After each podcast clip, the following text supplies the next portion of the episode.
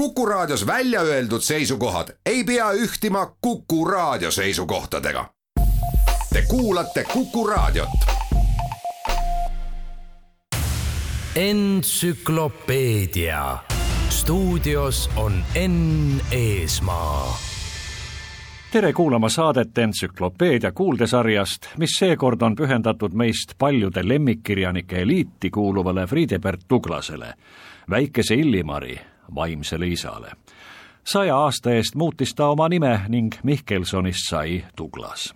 tänases saates meenutan veidi ka tema suurt algatuslikku panust me vanima, äsja sajandi vanuseks saanud kirjandusajakirja Looming saatuses. Friedebert Tuglas oli ju ajakirja asutaja, esimene peatoimetaja ning sisu suunaja vanemad kuulajad mäletavad teda ennastki veel, sest rahvakirjanik elas mõned aastad ka televisiooniajastul. Eesti heliarhiivides on kirjaniku häält ja mõtteid säilinud veelgi rohkem ning neid helilõike tahan Kuku ning Eesti Raadio koostöösaates kindlasti kasutada alustan küllap enam-vähem kõigile teada Friedebert Tuglase nostalgiast tulvil mälestuste raamatu Väikese Illimari lavavariandist, mis esietendus Nuku teatris aastal tuhat üheksasada seitsekümmend viis. katkendis kuulete teosest tuttavaid lauseid Rein Aguri esituses ning muusikat, mille lavastuse tarvis kirjutas Raimo Kangro.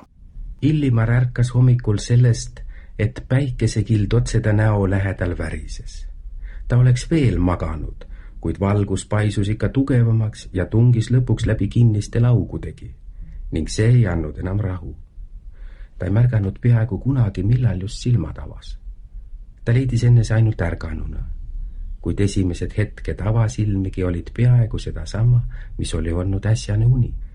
kõiki ta virguvaid meeli täitis ikka seesama valguse lint.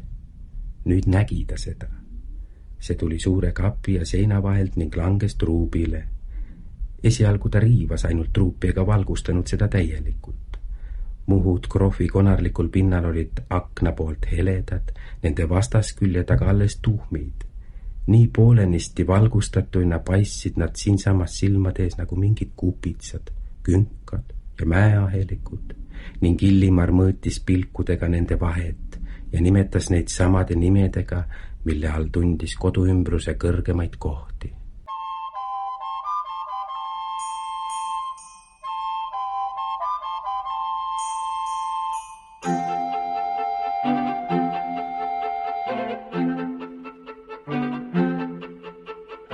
minu õue ei ole lihtsalt õu, liivadest ei lihtsalt liivakast.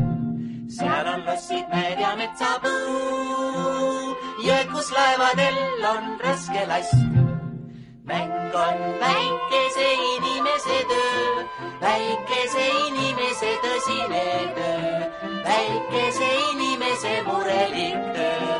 mäng on väikese inimese töö toona siis Nuku teatri lavastuse ajal oli Friedebert Tuglas juba Toonela teil ja mail. Talle antud üsna pikk ja rahutu elu algas ahjal viimsel talvekuul tuhat kaheksasada kaheksakümmend kuus. see oli üsna ammu, toona oli meie hulgas veel Liidia Koidula.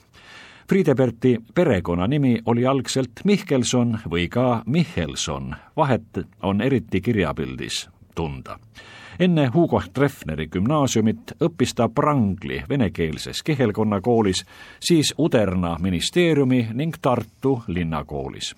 Ometi läks nii, et meie mõistes keskkooli lõputunnistust Tuglasel ette näidata polnudki. ta oli suur iseõppija, kes oma triumfi aastal tuhat üheksasada nelikümmend kuus sai akadeemilise hariduseta akadeemikuks ning pälvis rahvakirjaniku aunimetuse nii oli ta jälle üks neist eestlastest, kes viis edukalt ellu Jakob Hurda ammuse unistuse saada vaimult suureks. teda on kutsutud ja peetud Eesti kirjanduse paavstiks ja kirjanduskriitika Martin Luteriks. Tuglast austame kui institutsiooni, algatajat, korraldajat, kehtestajat ning järelevaatajat. kirjandusteadlane Rein Veidemann peab Tuglast kirjandusillusionistiks. vastuvaidlematult oli ja on Friedebert Tuglas Eesti novelli ja esseistika klassik. ta oli korraga nii looja kui ideoloog, mis on ühes isikus alati raskesti ühendatavad. noore Tuglase esimene trükitud raamat oli Hingemaa, esimene kirja pandud jutt üldse, novellilaadne Siil okkalisel aastal tuhat üheksasada viis ei saanud Mihkelson rahumeeli oma elupäevi veeretada, vaid võttis aktiivselt osa poliitikast, esines sageli kõnedega kodanike õiguste laiendamise vajadusest, tegutses kirjandusrühmituses Noor Eesti, seega oli väikest viisi revolutsionäär.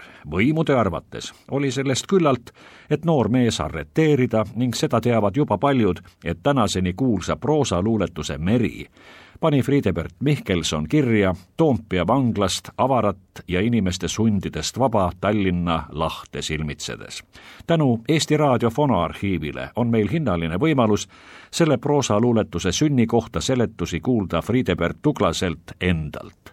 see on, võiks öelda, teine pool minu olemusest. üks pool on mediteerimine, vaatlemine, ilu imestlemine teine pool on aktiivne tegutsemine, kaasaelamine ajajärgule, ühiskonnale ja kõigele sellele, mis edasipoole tungib. ja meri kuulub juba sellesse minu toodangu hulka, mis kajastub minu osavõttu ühiskondlikust võitlusest, eriti tuhat üheksasada viienda aasta revolutsioonist, millele ma kaasa põlesin täie hingega, täie südamega. mere kirjutasin ma Tallinna Toompea vanglas tuhat üheksasada kuuenda aasta äh, algul, kõige raskemal ajal, kui karistussalgal maal töötasid, kui hüüsiti, äh, visati vermeteni pekstud inimesi, veriseid meie vangla põrandale. Ja ühel paaril säärasel ööl, kus ma paarikümne teise vangiga lamasin narridel, kus teised magasid, ma skitseerisin selle pakkimispaberile selle visandi. Ja siis, kui ma vanglast lahkusin, tõin tema kaasa kummagi kalossi ninastesse peidetud äh, kujul kontrabandina seal kaasa ja lõpetasin, viimistlesin siis äh, tolleaegses Peterburis sama aasta ke, äh, kevadtalvel, kus elasin äh, vale nime all nii et meri ja kõik, mis sellesse rühma puutub, sii peegeldab minu olemuse teist poolt. mitte ainult ilule elada, vaid ka elule, tegevale, loovale, võitlevale elule.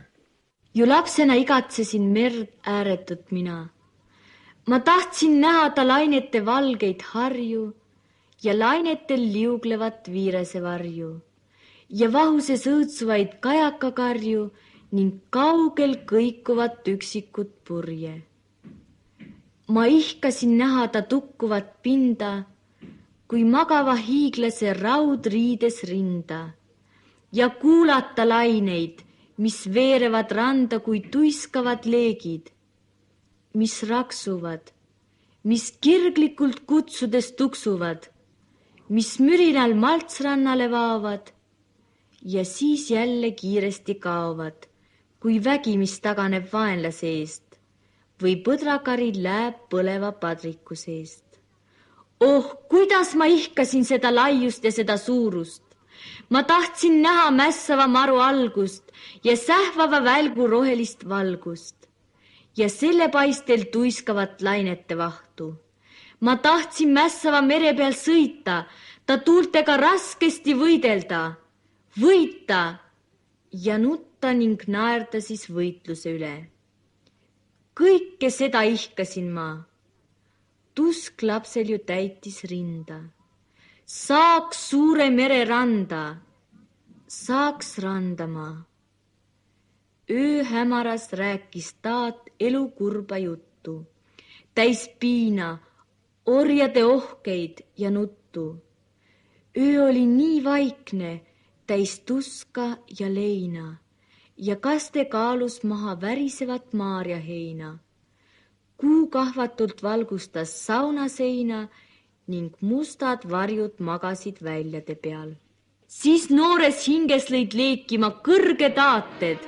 ma nägin uut ilma, lahtist maad ja laia väljavaadet ning nägin vaba rahvast tõusvat. mu rinnas oleks paistnud kui päikene, mis valgustab ja soojendab. majus sündis ju äikene, mis kärgatab ja hävitab ning siis vahest isegi hävineb. siis näha ihkasin merd mina võimsat ja tahtsin kuuldada kartmata mürinat. meri, minu meri, suur, võitmatu meri, vastu sul tuksus mu südames veri, vaba ja julge kui sinagi võimalik, et juba siis tekkis noorel kirjanikul mõte see looduse poolest piltilus Tallinna ja Soome laht ületada ning elada pagulasena Eestist pisut vabamas ja demokraatlikumas Soomes, mõni aeg koguni Pariisis kui Eestist sai vaba riik, tegi Friedebert Mihkelson paljume kirjanduselu turgutamiseks. lisaks loometööle andis ta Siuru rühmituse keskse liikmena välja nende albumeid ning hoolitses vastutava toimetajana mitme ajakirja käekäigu eest. Nendeks olid Tarapita, Ilo, ja odamees. kui aastal tuhat üheksasada kakskümmend kaks loodi Eesti Kirjanikude Liit, aga nii seda kooslust esialgu veidi vallatult nimetati, oli Mihkelson üks liidu asutajaid ning kohe ka esimene valitud esimees. järgmisest aastast kasutas kirjanik juba Friedebert Tuglase nime. ta oli ka selle aasta aprillis sajandat ilmumisaastat tähistanud ajakirja Looming esimene toimetaja Tuglase tahtel ja korraldusel sai ajakirjast eri loomingustiilide ja pürgimuste parlament, kus olid esindatud kõik kirjanduslikud arusaamad ja kunstilises või ka publitsistlikus sõnas väljendatud ilmavaated.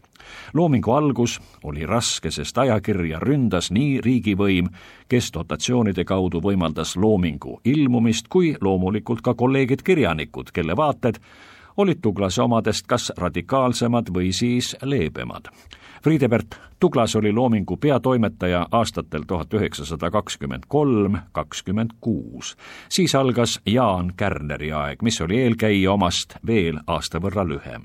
Tuglas koostas õpikulaadse lühikese eesti kirjandusloo, mida soomlased muuhulgas koolides agarasti kasutama hakkasid. ja nüüd midagi tavatut.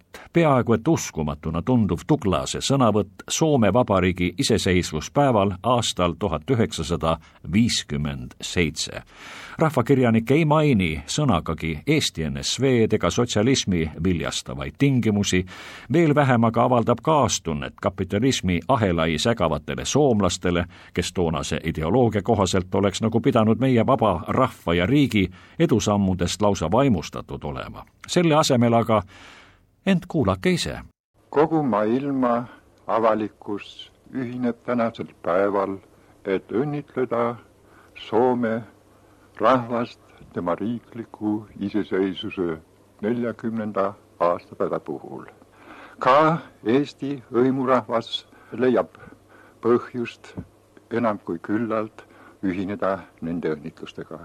ja mis puutub minusse isiklikult, siis oleks ka minul oma tänulikkuse sõnad öelda möödunud neljakümne aasta jooksul osaks saanud vastutulelikkuse, heatahtlikkuse ja arendava mõju puhul, mis minule Soomest osaks on saanud.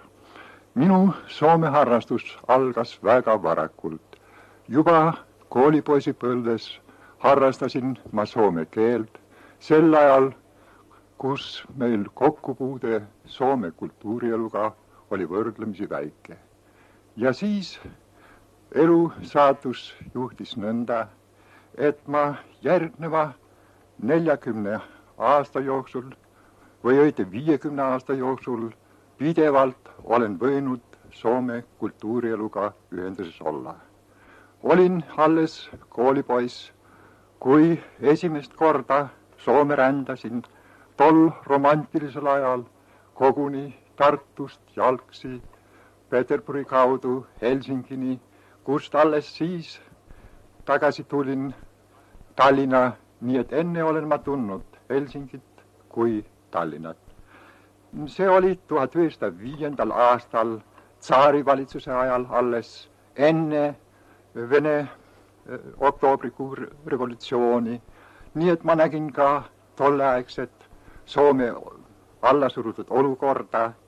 Eh, siis järgmisel aastal sundis mind maapagu siirduma Soome ja kõigi järgnevate aastakümnete jooksul olen kõige tihedamas ühenduses olnud selle maaga, tema rahvaga, tema kultuuriga ja väga palju viljastavaid mõjusid vastu võtnud.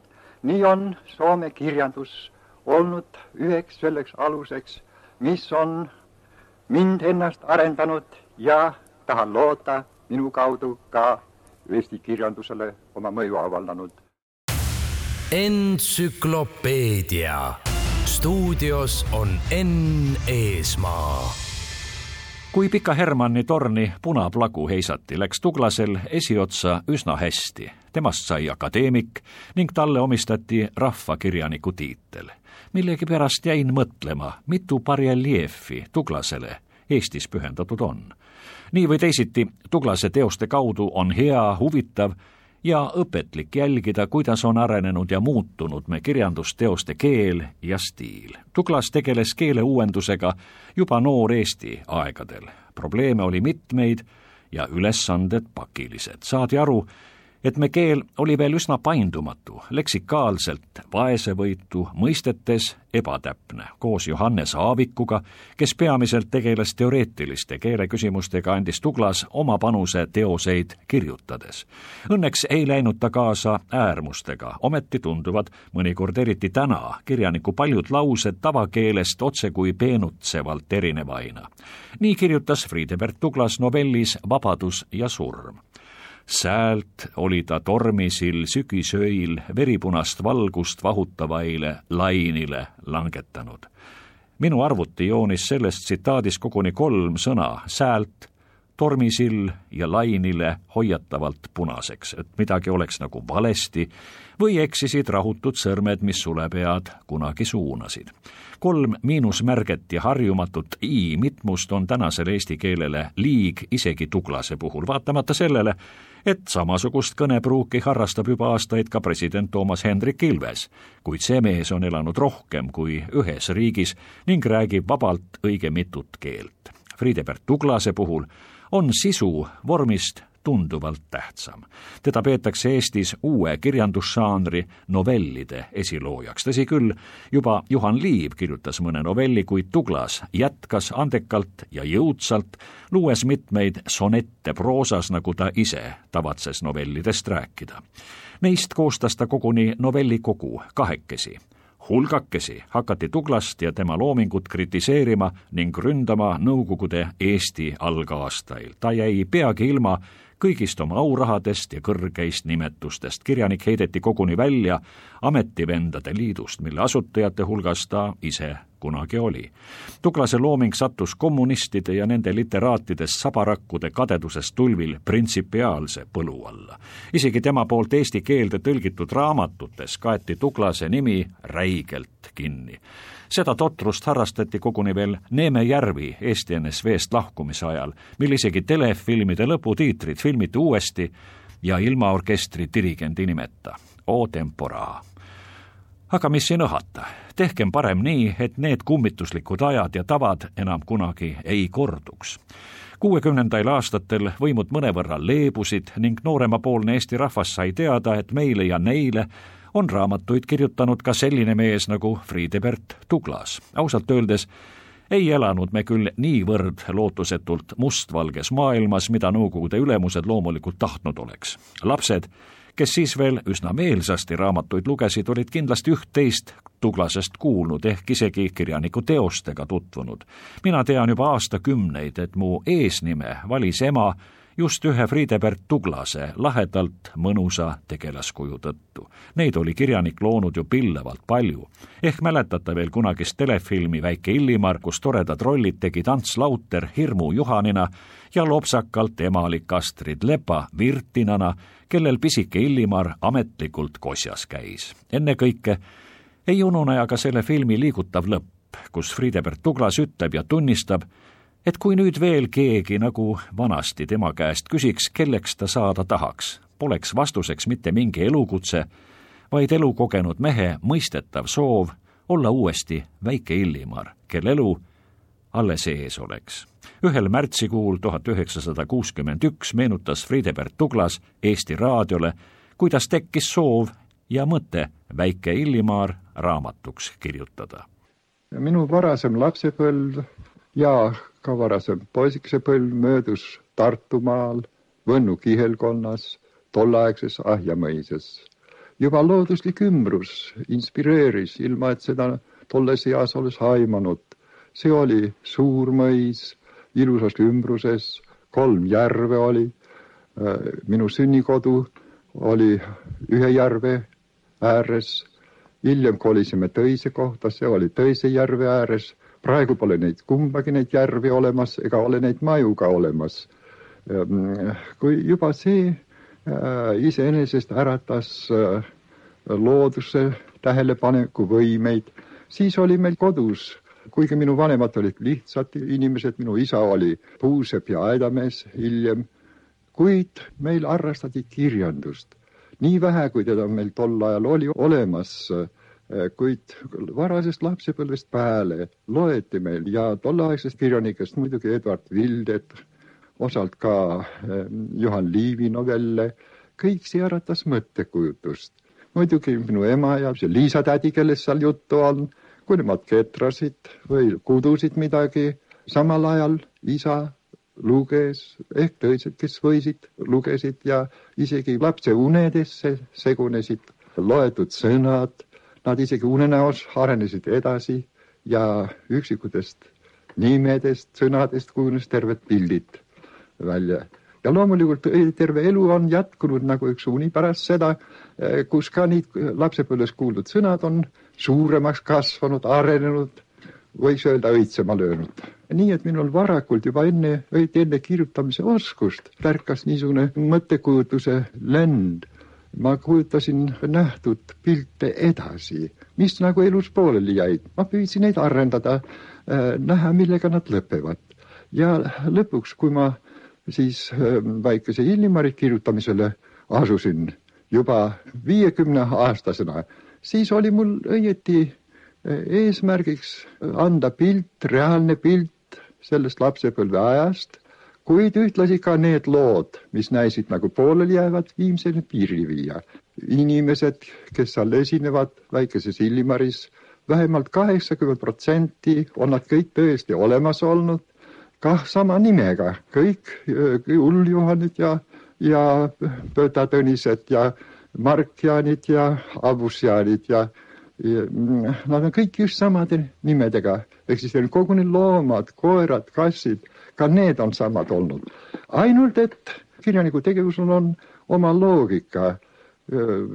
ma arendasin neid edasi, siis on teine küsimus veel siin, seal on käsitletud ühe väikse lapse elu nii ütleme nelja kuni kuue eluaastani. loomulikult need sündmused ei võinud ühe aasta jooksul sündida, nad on natuke kokku surutud ja ka järjekord on loomulikult muutunud.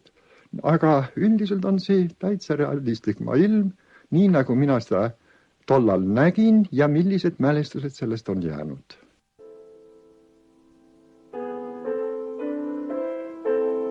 ja nii see erakordne raamat algab. mikrofoni ees on autor ise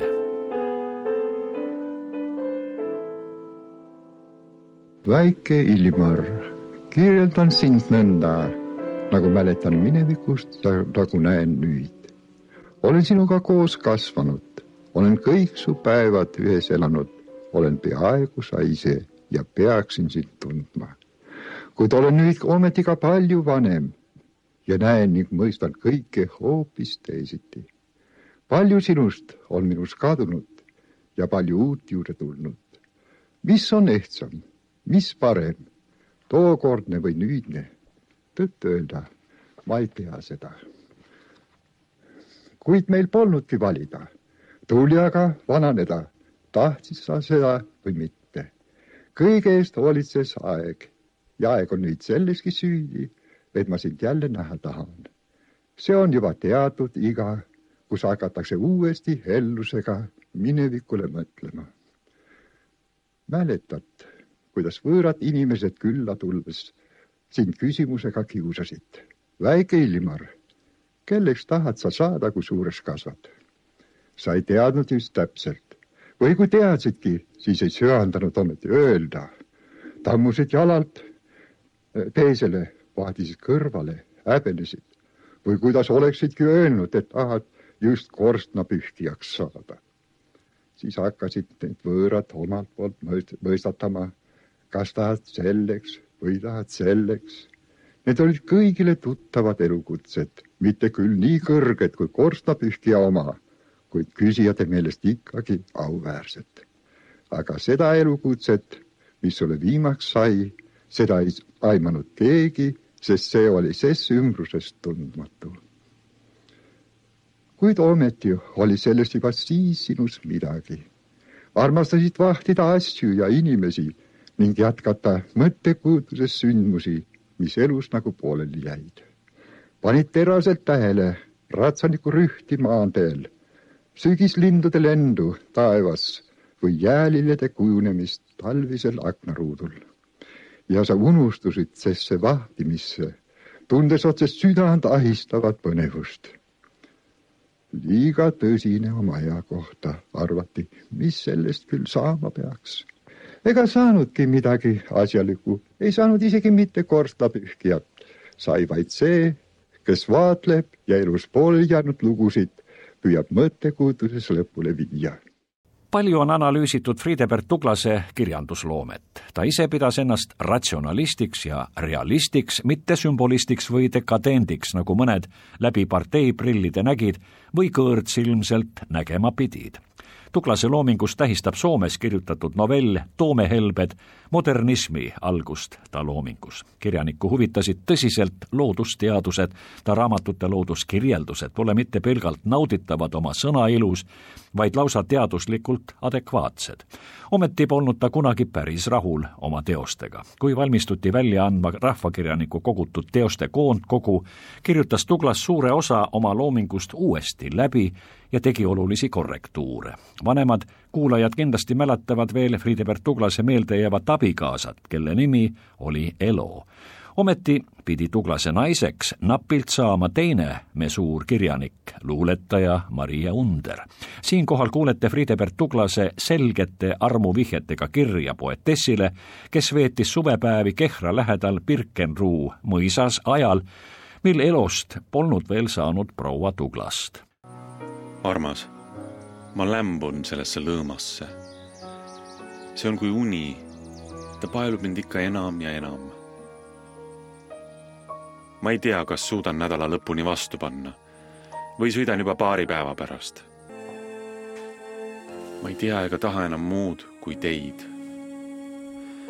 tahaksin peita palge teie paljale rinnale, põimida paljad käsivarred teie kaela ümber, suruda huulete huulile unustades sünga öö ja raske üksinduse, mis piirab meie unustatud maja kesk ääretuid avarusi.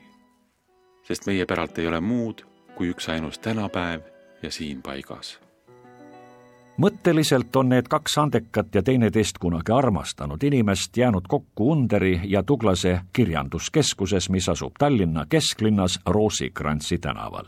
pealegi elasid Under ja Tuglas erinevatel aegadel oma peredega ühes ja samas majas, Nõmme mändide all. seal on täna nendenimelise kirjanduskeskuse muuseumi osakond. Friedebert Tuglas on jäädvustunud mitme Eesti linna ja asula tänavanimedes Ahjas, võite külastada Tuglase muuseumi ja memoriaaltuba. Ahja keskkool kannab juba aastaid Friedebert Tuglase nime soomlastest Eesti kirjandushuvilisi koondab Tuglase selts. meil on kõrgelt hinnatud Tuglase novelli auhind, mille esimeseks laureaadiks sai rahvakirjaniku enese valikul Jaan Kross. seni viimasteks novelli auhinna saajateks on Katrin Tegova ja Meelis Wiedenthal. rahvakirjaniku mahukast loomingust soovitan lisaks ilukirjanduslikele teostele kindlasti lugeda ka Tuglase monograafiaid Juhan Liivist, Mait Metsanurgast ja Anton Hansen Tammsaar Saarest. toekas lugemine on Tuglase uurimus Eduard Vilde ja Ernst Peterson. alati on hea ja õpetlik teada, mida klassik arvab teistest klassikutest. ilmumise ajal mõjus uudsena Tuglase Marginaalia, kogumik ta esseesid ja marginaale. nüüd kaasajal pakuvad meist paljudele isiklikke võrdlusvõimalusi kirjaniku reisikirjad maadest ja riikidest, kus meiegi näinud ja käinud oleme. Mitmeti paeluvad on teekond Hispaania, ühe Norra reisikroonika ning teekond Põhja-Aafrika, ütlen nii, nagu Douglas kirjutas. alati kriitilise meele ja keelega Nikol Andreesen pidas Douglase teoseid huvitavaks. Raivo Trassi esituses kuulete katkendit Douglase reisiraamatust Teekond Põhja-Aafrika, kirjanik ja kuulaja on kohe jõudmas Tunise linna. siis näen esimest araablast. Ta asub aeglaselt mööda nöörsirget kanalivalli, palje jalu, purnus keha ümber tõmmatud, fess laubale lükatud ta näib hommiku külmas valguses ja veelagendiku raamistikus nii melanhoolne ning maha jäetud. ja siis läheneb mööda teispoolset kanalivalli hiigla kiirusega mingi must täpp. ta kasvab mõne hetkega elektrirongiks ja väheneb niisama ruttu Kartaago suunas. aga kanali lõpus, kümmekond kilomeetrit eemal, seal helendab midagi valget, triibulist, roosakat siis selgub treppidena, riiulitena mööda mäe külge järvele laskuv linn. võib eraldada linnajagusid, piirduvad üksikud tornid ja majadki. nüüd näib linn otse silmi pimestav, mitte millegagi võrreldav oma helenduses. see on Tunis, Tunis La Blanche, valge Tunis. oleme olnud teel Palermost siia kaheksateist tundi ja on viieteistkümnes Ramadaani kuupäev aastal tuhat kolmsada nelikümmend kuus pärast hidžrat. Lähen mööda avenüü Jules Ferrid, jätkan teed avenüü de France'il. see on Tunise euroopalik linnaosa, levitatud avaralt endisele merepõhjale. keset päratu laia tänavat tatlipalmide read. kahel pool kõrged ehitised, äripaleed, teatrid, kohvikud, üks kristlik kirik. tramm ragistab mööda, kihutavad punased autobussid, autod välguvad läikima hõõrutud asfaldil, kirendavad prantsuskeelsed afišid, liköör, can-can, seep, mee, suur revüü, New York, Pariis, linnateatris, sada viiskümmend kostüümis ja kostüümita kööli. Ning inimesed nagu ikka pisut lõunapoolsemail laiuskraadidel, prantslaste tagasihoidlikke mundreid, itaallaste määrdinud töökuubesid, turistide halle põlvpükse, moemagasinide ustel värvit huulised, lühijuukselisi naisi, tänavanurgil semiidi välimusega ärimehi oktoobris ja käsitamatust rahvusest jõnglased jooksevad meeleheitliku kisaga Matin, Excelsior, Petit Parisien. on see Aafrika? pigemini mõni Vahemere-äärne Prantsuse linn või hoolimata palmidest lihtsalt Montmartre või Montparnasse. entsüklopeedia stuudios on Enn Eesmaa Friedebert Douglas polnud pehmelt öeldes kuigi viljakas näitekirjanik. paar katset ta tegi, kuid isegi tavaliselt sõbraliku August Kitzbergi arvates võinuks Douglas rohkem teha seda, mida ta paremini oskas, raamatuid kirjutada. küll on aga Douglase teostest aastate jooksul tehtud mitmeid õnnestunud lavatükke. lausa legendaarne oli kunagine Popi ja Huhuu Eesti Draamateatris. lühipalast Oma päikese poole tegi telelavastuse Ago Hendrik Kerge. Rakveres tõi Toomas Suumann lavale monoetenduse Maailma lõpus, mis põhines Douglase kahel novellil. Neist ühest sai lavastuse nimi, teine on Viimne tervitus Vollik Käro tegi meisterliku rolli ning kuuldavas katkendis mõtiskleb Douglase teksti najal sõja paratamatuse üle. kuid isegi tema ei kaota lõplikult usku sellesse, et ühel heal päeval lõpeb viimne sõda inimkonna ajaloos. selle heani peab vist paraku veel aastaid halbu päevi üle elama. ma pean algama kaugelt, juba oma lapsepõlvest peale. ja, ja ma olin kümneaastane jah, kümneaastane, kui lõppes sõda, mida tollal nimetati maailmasõjaks siis näis inimestele, et nad polnud midagi nii kohutavat üle elanud ja samuti uskusid nad, et midagi nii kohutavat enam tulla ei või. veelgi enam, nad olid veendunud, et see on üldse viimane sõda, mida inimesed peavad. sõda on ennast lõplikult diskrediteerinud, väitsid nad, sellest ei saa lõpuks keegi kasu, võitja sama vähe kui kaotajagi sõda on barbaarne, sõda pole inimväärne. inimkond peab oma tüliasjad lahendama hoopis teisiti. see oli viimane sõda ja jääbki selleks ses suunas käisid tollal rahuaja läbirääkimise kõned ja juhtkirjad ja seda usutigi.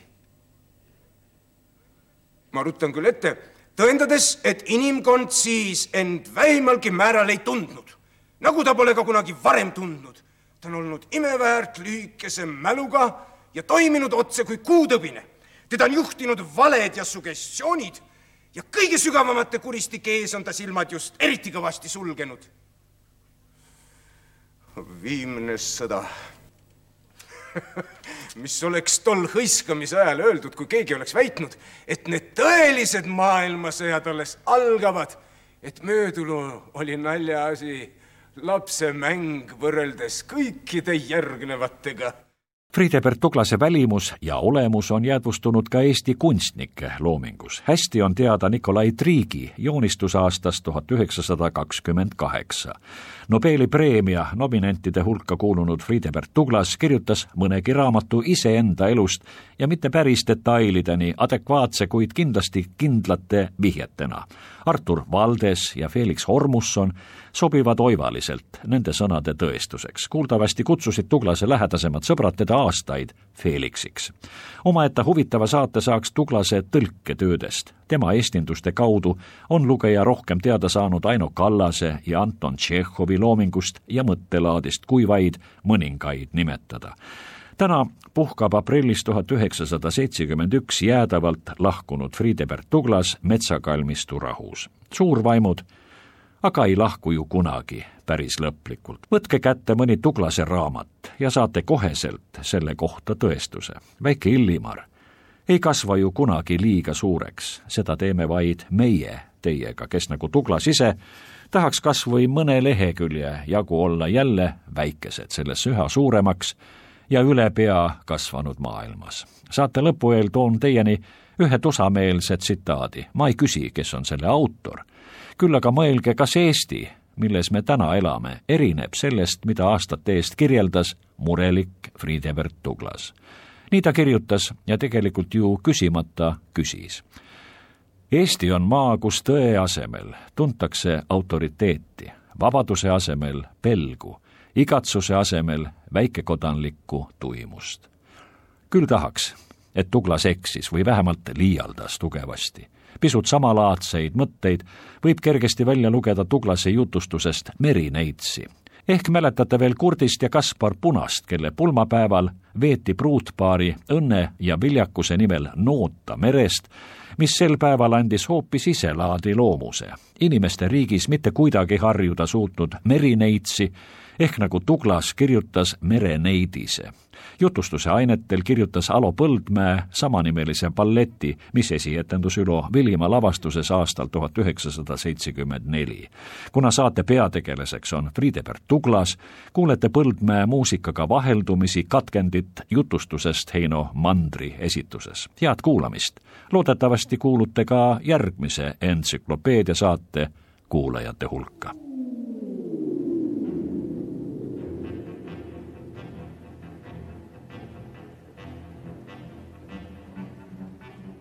ja vaevalt oli ta need sõnad lõpetanud, kui pulmalised jälle noodast kinni haarasid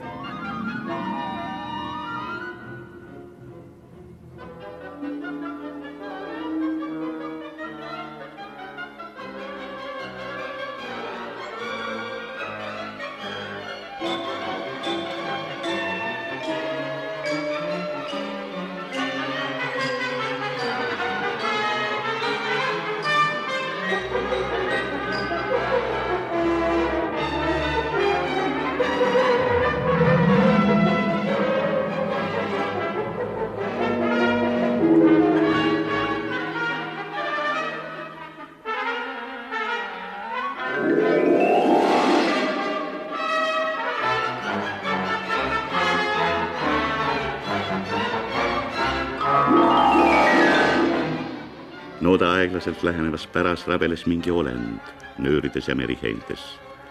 ta oli lumivalges vahus kui pilvedes. kord paistis inimese pea pikkade juustega, siis valged peened käed. väike rühm rannal oli tardunud värvilisse liigutusse, täis ehmatust ning imestust. ja siis nägid nad kõik korraga meeleheitlikult võrkudes visklevat merineidist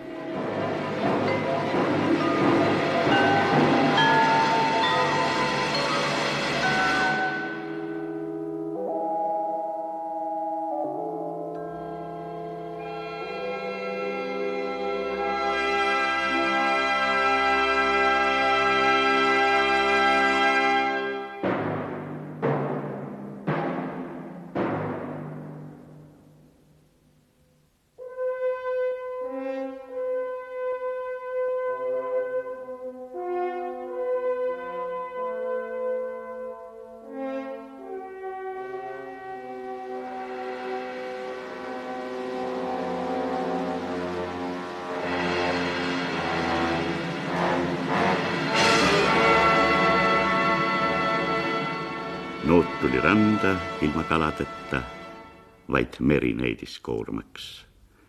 see oli alasti, ainult pikkade ruugete juuste peidus. ta nägu peegeldas ääretut ahastust, ta veekarva silmad kisendasid ja ta punane suujoon valges näos oli valusalt lahti